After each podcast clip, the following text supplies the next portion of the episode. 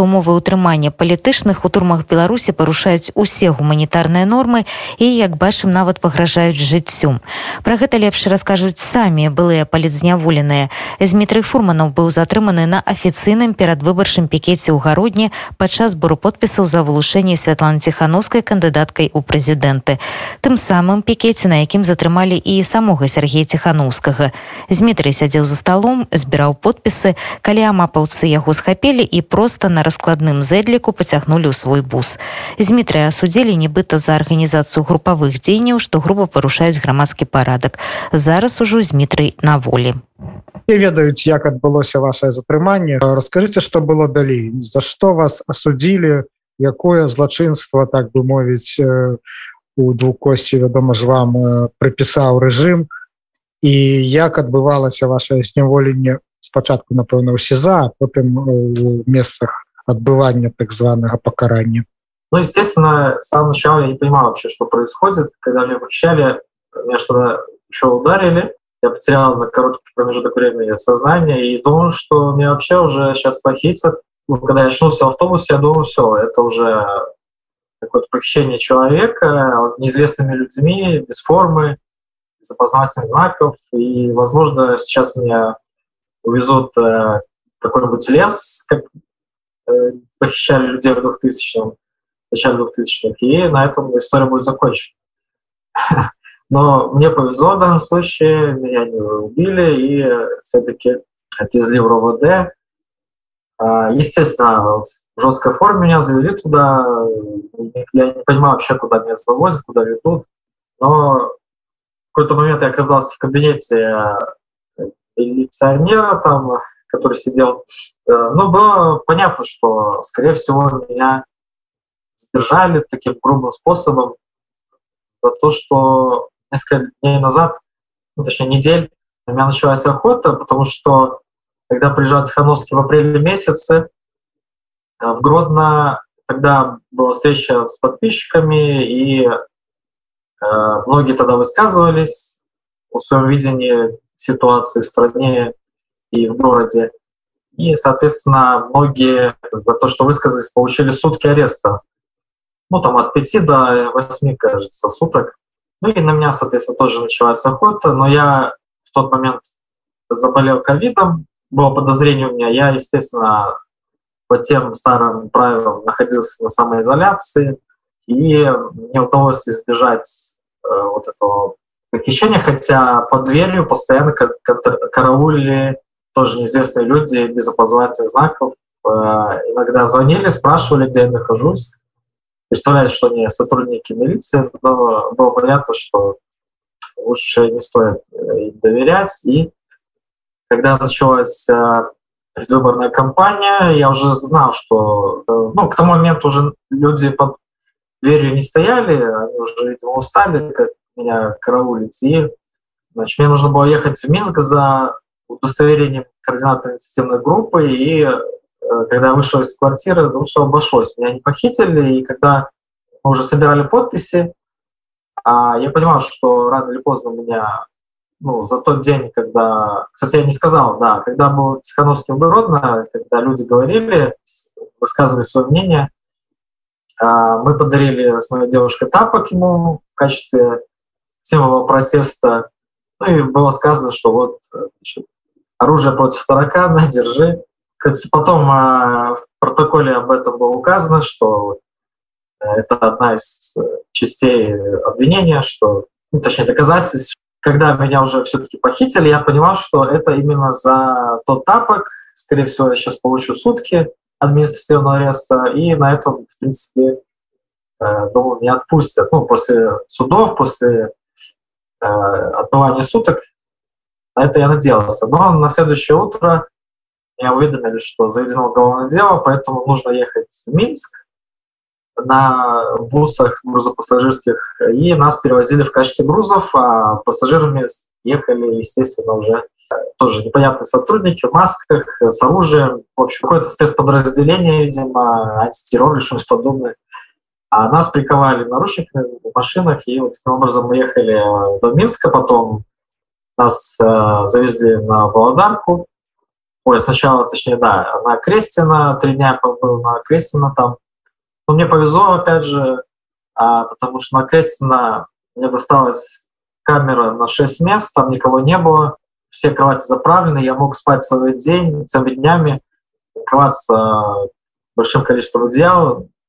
Никто не возражал против этого, что я сплю и накрываюсь. В, в те дни тогда еще не было такой жесткой ситуации на Крестина.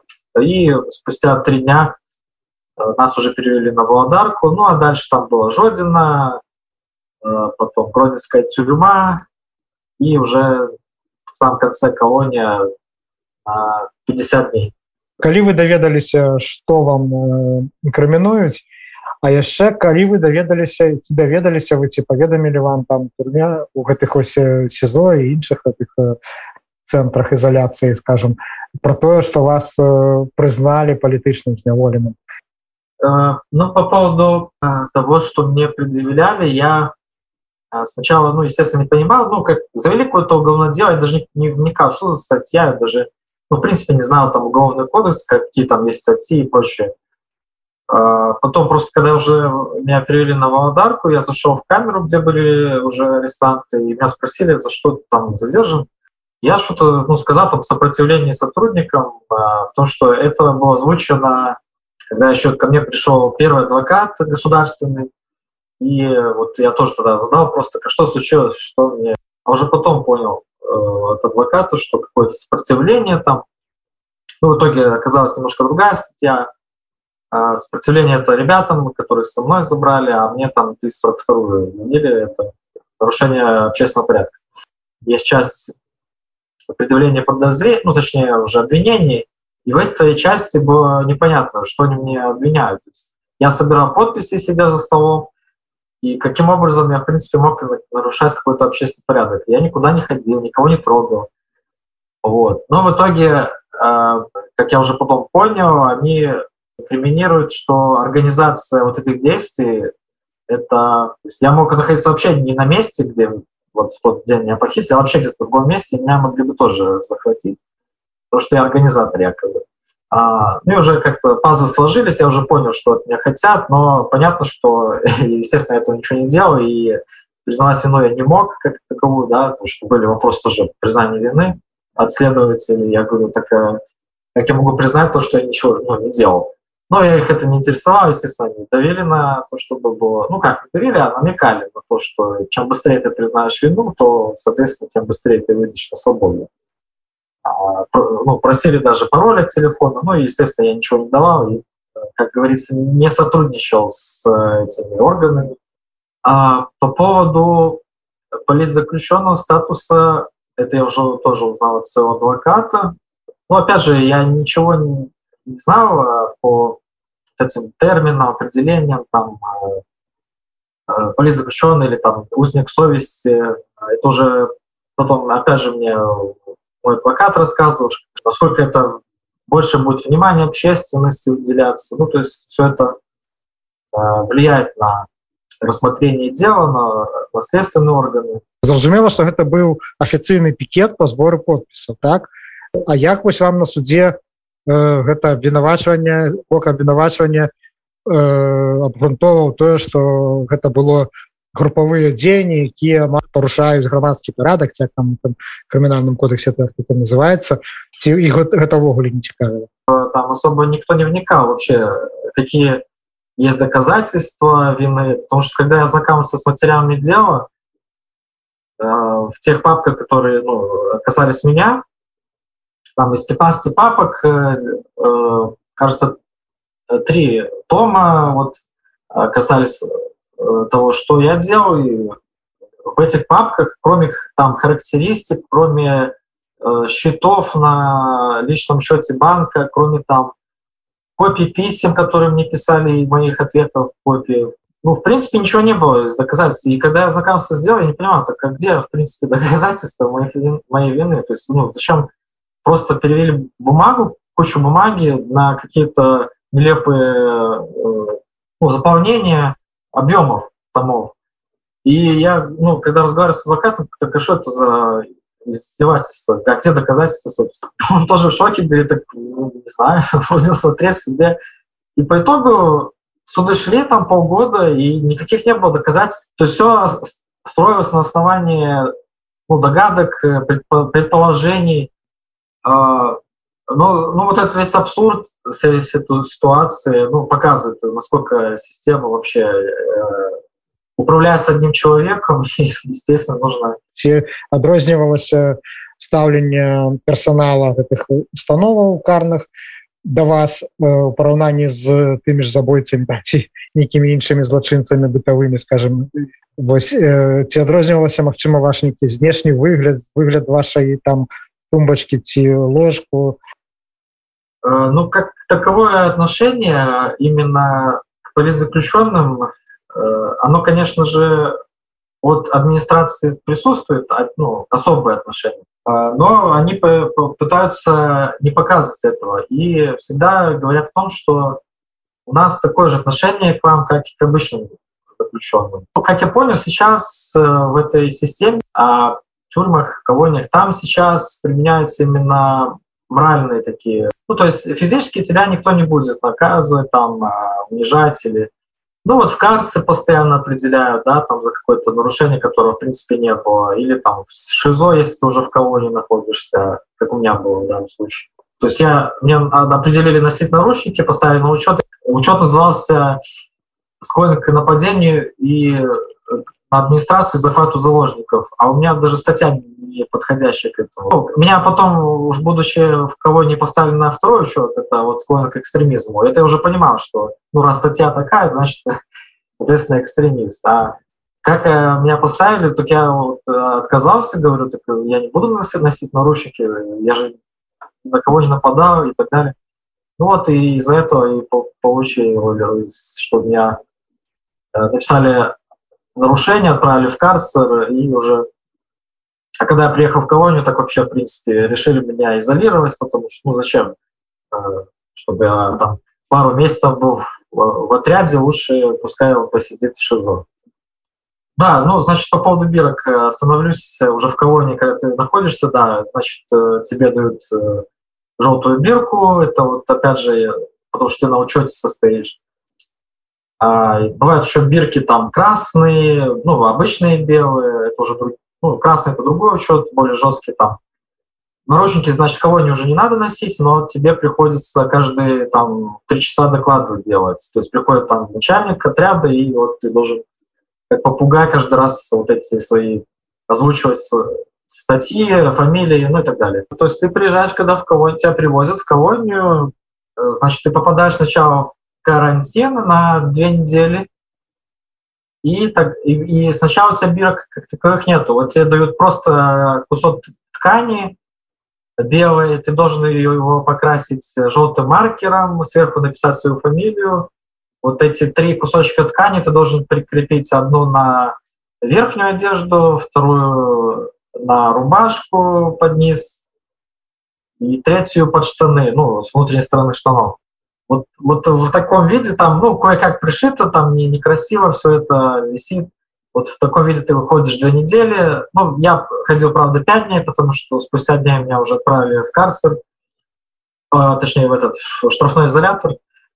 Там уже, когда я уже попал в штрафной изолятор, мне уже дали такую желтую напечатанную бирку, которая вставляется с левой стороны, где сердце, со стороны сердца, ну, то есть в самой одежде есть э, пластиковое окошко такое, и в нее вставляется вовнутрь вот эта напечатанная бумажная бирка а, желтого цвета, там на ней написаны твои установочные данные, фамилия, отчество, дата рождения, статья, начало, конец срока. И уже с этой биркой вот постоянно находишься, она должна быть при тебе, и ее снимать нельзя.